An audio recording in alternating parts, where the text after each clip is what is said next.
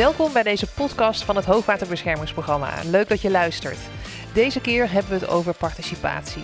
Wat is participatie nou eigenlijk en bedoelen we hier allemaal hetzelfde mee?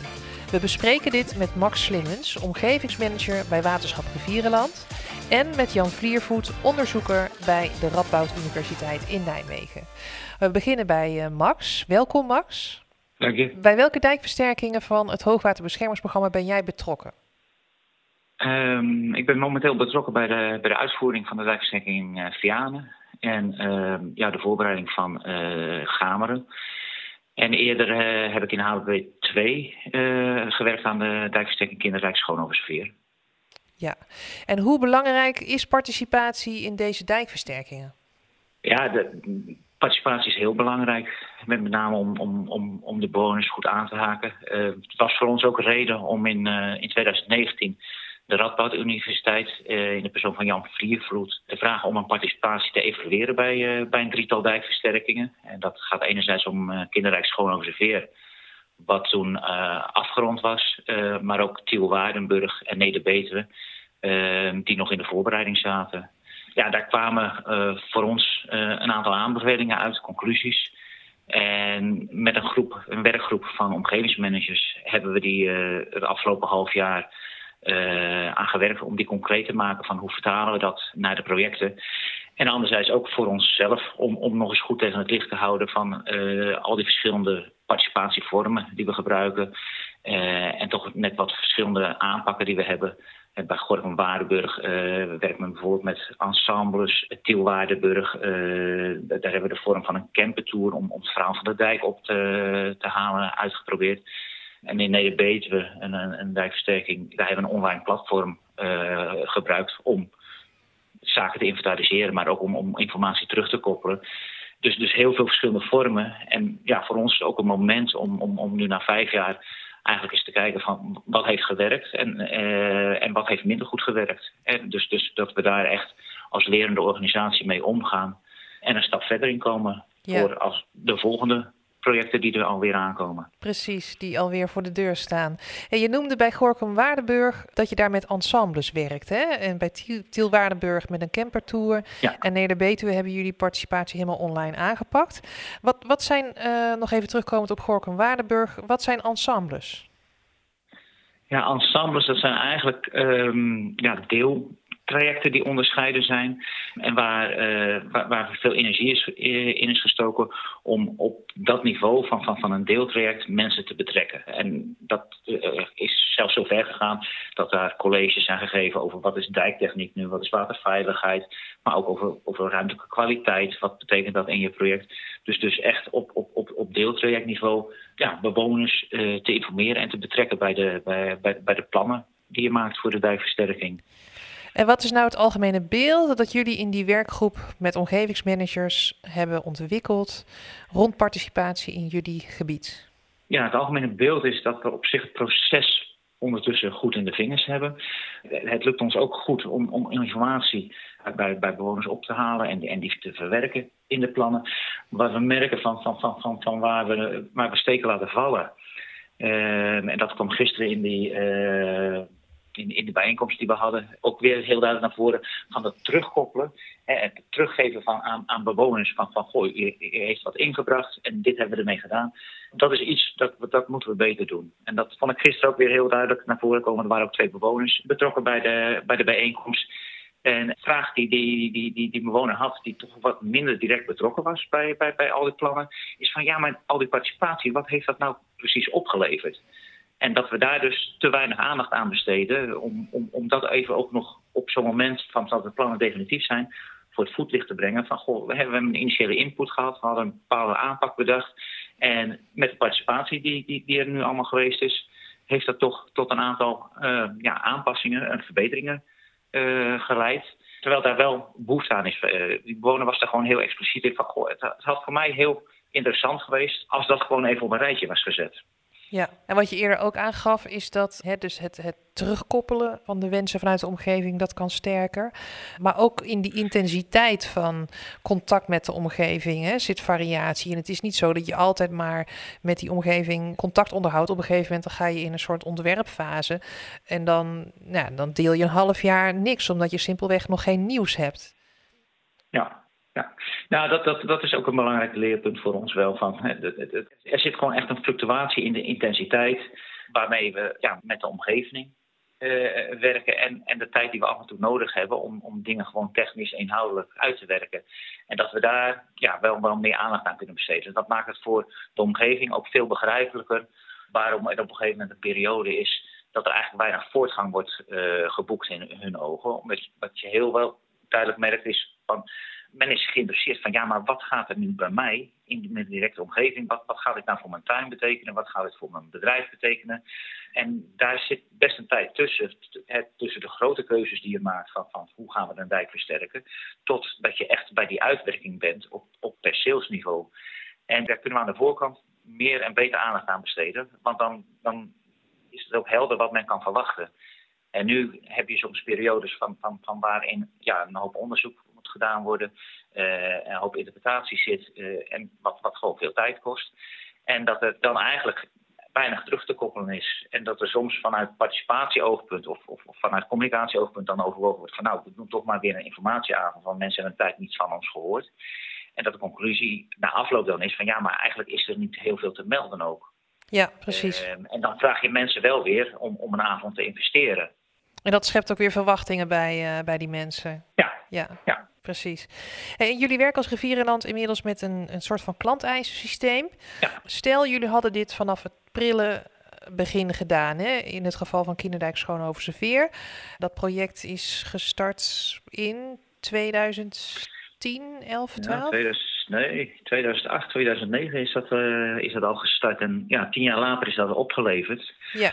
Wat was er dan, als je, als je in dat project met het klanteisensysteem had gewerkt, wat was er dan anders gegaan? Ja, we, zien de nieuwere projecten die werken dus inderdaad met dat systems engineering. En, en dat je klanteisen gewoon heel systematisch uh, ophaalt, bijhoudt. Uh, en ook vanuit echt de systematiek waarin je werkt, uh, ja, een, een, geluid, een, een, signaal krijgt van je moet ook nog terugkoppelen op het moment dat je iets met een bepaalde wens doet. Uh, Kinderrijk schoon observeren, dat was nog veel meer een tijd van, van, van ja, overzichten bijhouden in Excel-bladen. en ja, we hebben toen echt concreet gemerkt van op het moment dat wij de aannemer erbij kregen. We hebben, we hebben het plan helemaal zelf gemaakt. Uh, en daarna is, is, is, de, is de aannemer er pas bijgekomen in de uitvoeringsfase. Uh, dat het ons heel veel moeite heeft gekost uh, om al, al die afspraken, we, we, we, noemden dat bewonersafspraken op dat moment in het project, om die goed bij de aannemer te krijgen. En dan, dan merk je dat de dingen tussen wal en schip vallen, waardoor ja, afspraken die je met een bewoner in een bepaald moment gemaakt hebt, ook over de uitvoering, worden niet nagekomen. Nee, en dat, dat, dat, dat, levert irritatie op en, en, dat levert ook ruis op. Ja, want hoeveel bewonersafspraken waren er of hoeveel dossiers? Een paar honderd geloof ik, hè? Uh, ja, de, de gewoon dat is het gedeelte vanaf Nieuw-Lekkerland tot aan Groot-Ammers. Daar, daar zaten in totaal een, uh, ja, wel 400, uh, ruim 400 dossiers ja, maal een aantal afspraken per, uh, per dossier al snel. Dus dan praat je over hele grote aantallen. Ja, precies. Dat werkt dan uiteindelijk toch slecht. Uh, in zo'n Excel wat je dan met alle uh, ja, passie die erin stopt probeer, goed probeert bij te houden. Maar dat, dat, ja, dat werkt toch minder goed. Hey Max, ik zou nou even met jou een bruggetje willen slaan naar de omgevingswet. Die wordt ingevoerd in januari 2022 en die stelt overheden eh, verplicht om een goed participatieproces in te richten. Wordt jouw werk als omgevingsmanager hier leuker van, denk je? Um, ja, zoals ik het zie, eh, werken we eigenlijk bij de participatie bij de dijkvestingsprojecten al, al heel erg in de geest van de omgevingswet. En ik hoor ook terug van bewoners uit het gebied dat, dat, dat er een groot verschil is zoals uh, de dijkversterking nu wordt opgepakt vanuit het waterschap. Uh, met van hoe dat in het verleden uh, werd gedaan. Dat als waterschap benader, veel benaderbaarder zijn. En dat er ook heel meer aandacht is voor de individuele situatie van bewoners waar in het verleden eigenlijk een, eh, een ingenieur langs kwam om te vertellen van hoe het ging worden. en hoe het moest worden, dat er nu een, ja, echt een dialoog is waarbij de aandacht is voor de belangen van, van bewoners, van, van bedrijven, zodat het ook voor hun ja, een nieuwe situatie is waar ze verder mee kunnen. En in die zin zie ik van, van, van dat wijkversterkingen al een, ja, een stuk democratischer zijn geworden dan dat ze eerder waren. En als ik naar mezelf kijk, vind ik dat heel prettig. Want op de macht iets afdwingen, dat, uh, dat is niet prettig. Ja, helder. In die zin ben ik ook wel benieuwd uh, op het moment van, uh, van hoe dat verder gaat bij zo'n dijkverstrekking als Gorkum-Waardenburg, waar we nu in de formele planfase zitten met inspraak en, en, en zienswijzes. En waar dan op het plan, op het ontwerpplan wat nu ter inzage ligt, 135 zienswijzes zijn ingediend. Uh, en, en dat roept de vraag op van, goh, hoe, hoe, moeten we dat nou interpreteren? Van, is dat veel? Of, of uh, moeten we dat juist zien als van, ja, dat, dat is een, vervolg eigenlijk op, op die participatie die, die, die wij hebben ingezet. Uh, en dat we het laagdrempelig hebben gemaakt. Ik denk dat het in het verleden een, een veel grotere drempel was om formeel in te spreken tegen de plannen van het waterschap. Of het belang van iemand zelf nog een keer naar voren te brengen. Dan dat het op het moment is. En nou ja, dat, dat dat, dat, is wel iets waar wij zelf ook nog inderdaad uh, met de vraag zitten van ja, hoe, hoe, moeten we dit nu duiden? Ja, en uh, je hebt een werkgroep met omgevingsmanagers. Wat zouden jullie hier verder mee kunnen doen? Ja, wat, wat, wat, we, wat we onderling al besproken hebben, is, is dat voor ons wel heel interessant is dat uh, er zijn een paar meer projecten die, die op korte termijn die fase van formele inspraak ingaan. Dus als we een jaar verder zijn, dan, dan hebben wij twee, drie projecten die fase hebben afgerond. Dus dat is voor ons heel, heel interessant om dan nog weer eens een keer met zo'n partij als uh, de, de Radboud Universiteit om tafel te gaan. Om te kijken of hun ook ja, eigenlijk een vervolgonderzoek kunnen doen van deze fase. Om te evalueren van hoe, hoe is dat nou gelopen? Welk beeld komt eruit naar voren? En, en ook uh, ja, hoe, hoe moeten wij dat nou duiden? Ja. De uitkomsten van zo'n participatieproces. Ja, precies.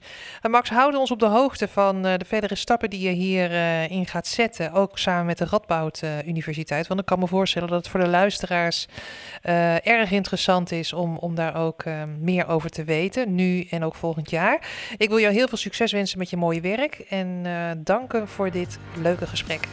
Oké, nou hartstikke bedankt ook. En ja, we houden jullie zeker op de hoogte.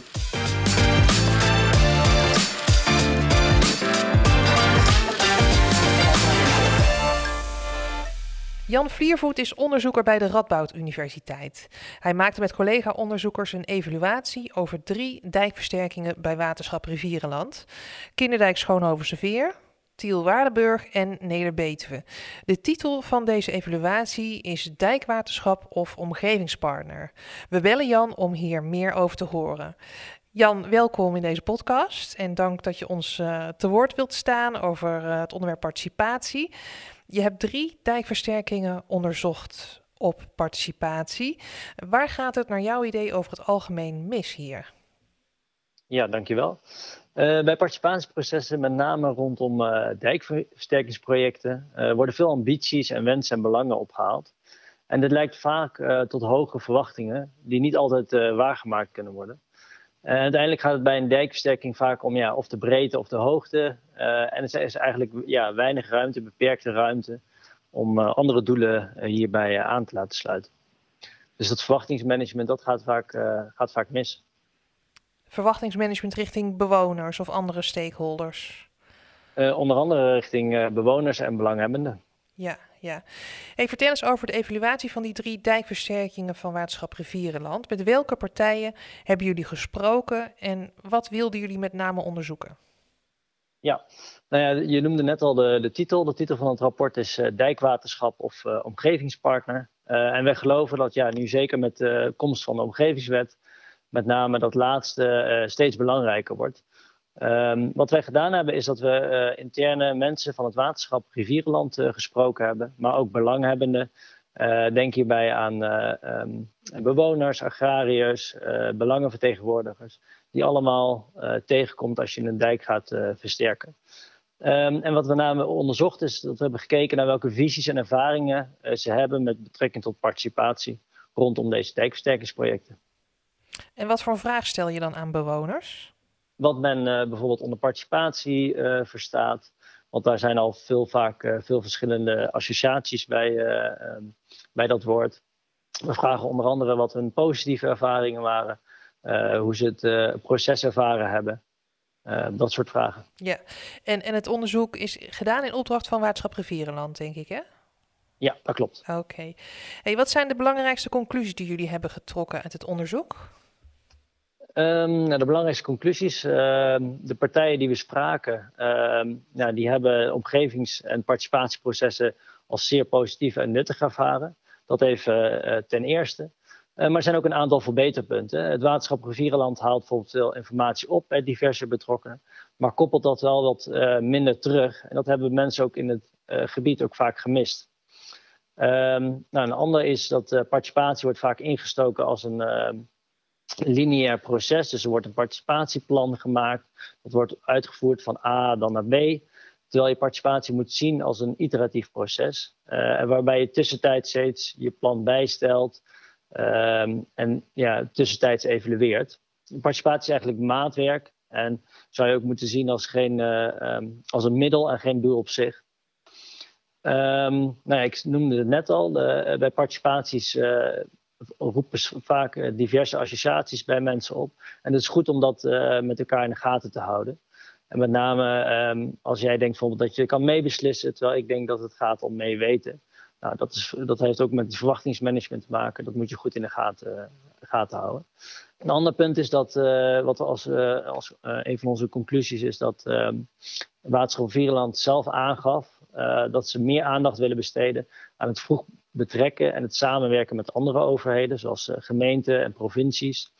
Uh, met name uh, om dat gezamenlijke beeld van participatie en ieders rol en verantwoordelijkheid daarin goed scherp te hebben. En onduidelijkheden te voorkomen.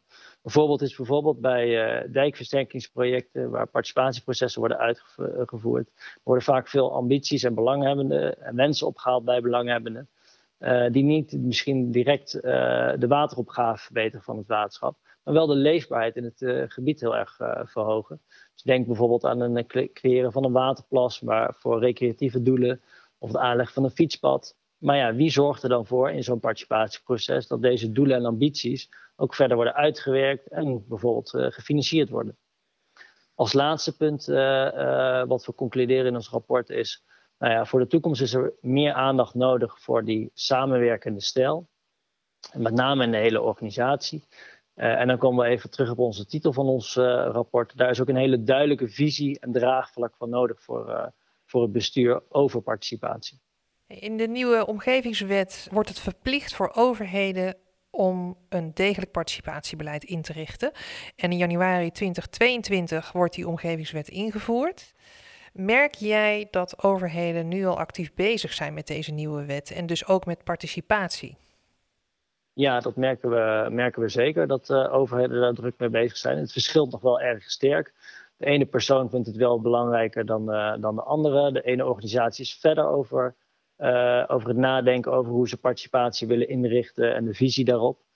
Uh, maar wat we ja, sowieso zien is participatie een hele belangrijke pijler in de, in de omgevingswet. Waar de omgevingswet eigenlijk brengt eigenlijk alle verschillende beleidslijnen bij elkaar. Hè. Denk aan natuur, water, ruimtelijke ordeningen. Uh, en dat moet allemaal op elkaar afgestemd worden uh, om uiteindelijk een duurzame leefomgeving te creëren. En dat is eigenlijk de kern van de nieuwe om, omgevingswet. Participatie is natuurlijk niet nieuw wordt natuurlijk al lang uh, uh, gedaan. En vaak door gemeentes, provincies ook. En in de nieuwe omgevingswet wordt het eigenlijk alleen nog maar explicieter gemaakt en meer zichtbaar. Nu is het participatie vaak in de hoofden van, van mensen en wordt het uitgevoerd vanuit intuïtie. maar straks moet je het echt op papier laten zien en ook laten zien wie je echt allemaal betrokken hebt bij je opgaves. om uiteindelijk, dat is natuurlijk het doel, om uiteindelijk kwalitatief betere plannen en meer gedragen plannen te krijgen. Wat wil jij tenslotte nog meegeven aan de luisteraars over dit onderwerp? Ja, wat ik, uh, ik denk ook wat ik er eerder al aangaf, wat ik heel belangrijk vind, uh, is dat je participatie ziet als een iteratief proces, een dynamisch proces. Daar gaat het vaak mis. Uh, het is maatwerk, het is geen lineair, lineair verhaal van A naar B. En blijf dus ook tussentijds echt evalueren en stel je doelen en aanpak ehm, daarbij bij. Ehm, nou, wat ook interessant is, dat we samen met uh, Waterschap Rivierenland hebben gewerkt aan een afwegingskader. Uh, dat je kunt gebruiken bij alle dijkversterkingsopgaven of andere participatieprojecten. Uh, en daar hebben we vier vragen op gesteld. Ehm, en ik denk dat je eigenlijk altijd je, je dezelfde vraag moet stellen. nou, ten eerste, wat verstaan we onder participatie? Dat je dat goed met elkaar, met, met elkaar doorspreekt. De tweede vraag is, wat wil je ermee bereiken? Dus ik gaf net al aan, participatie is geen doel uh, op zich, uh, maar is een middel.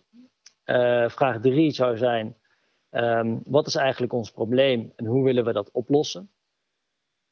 Um, en soms is inderdaad participatie niet het goede middel om je doel te bereiken.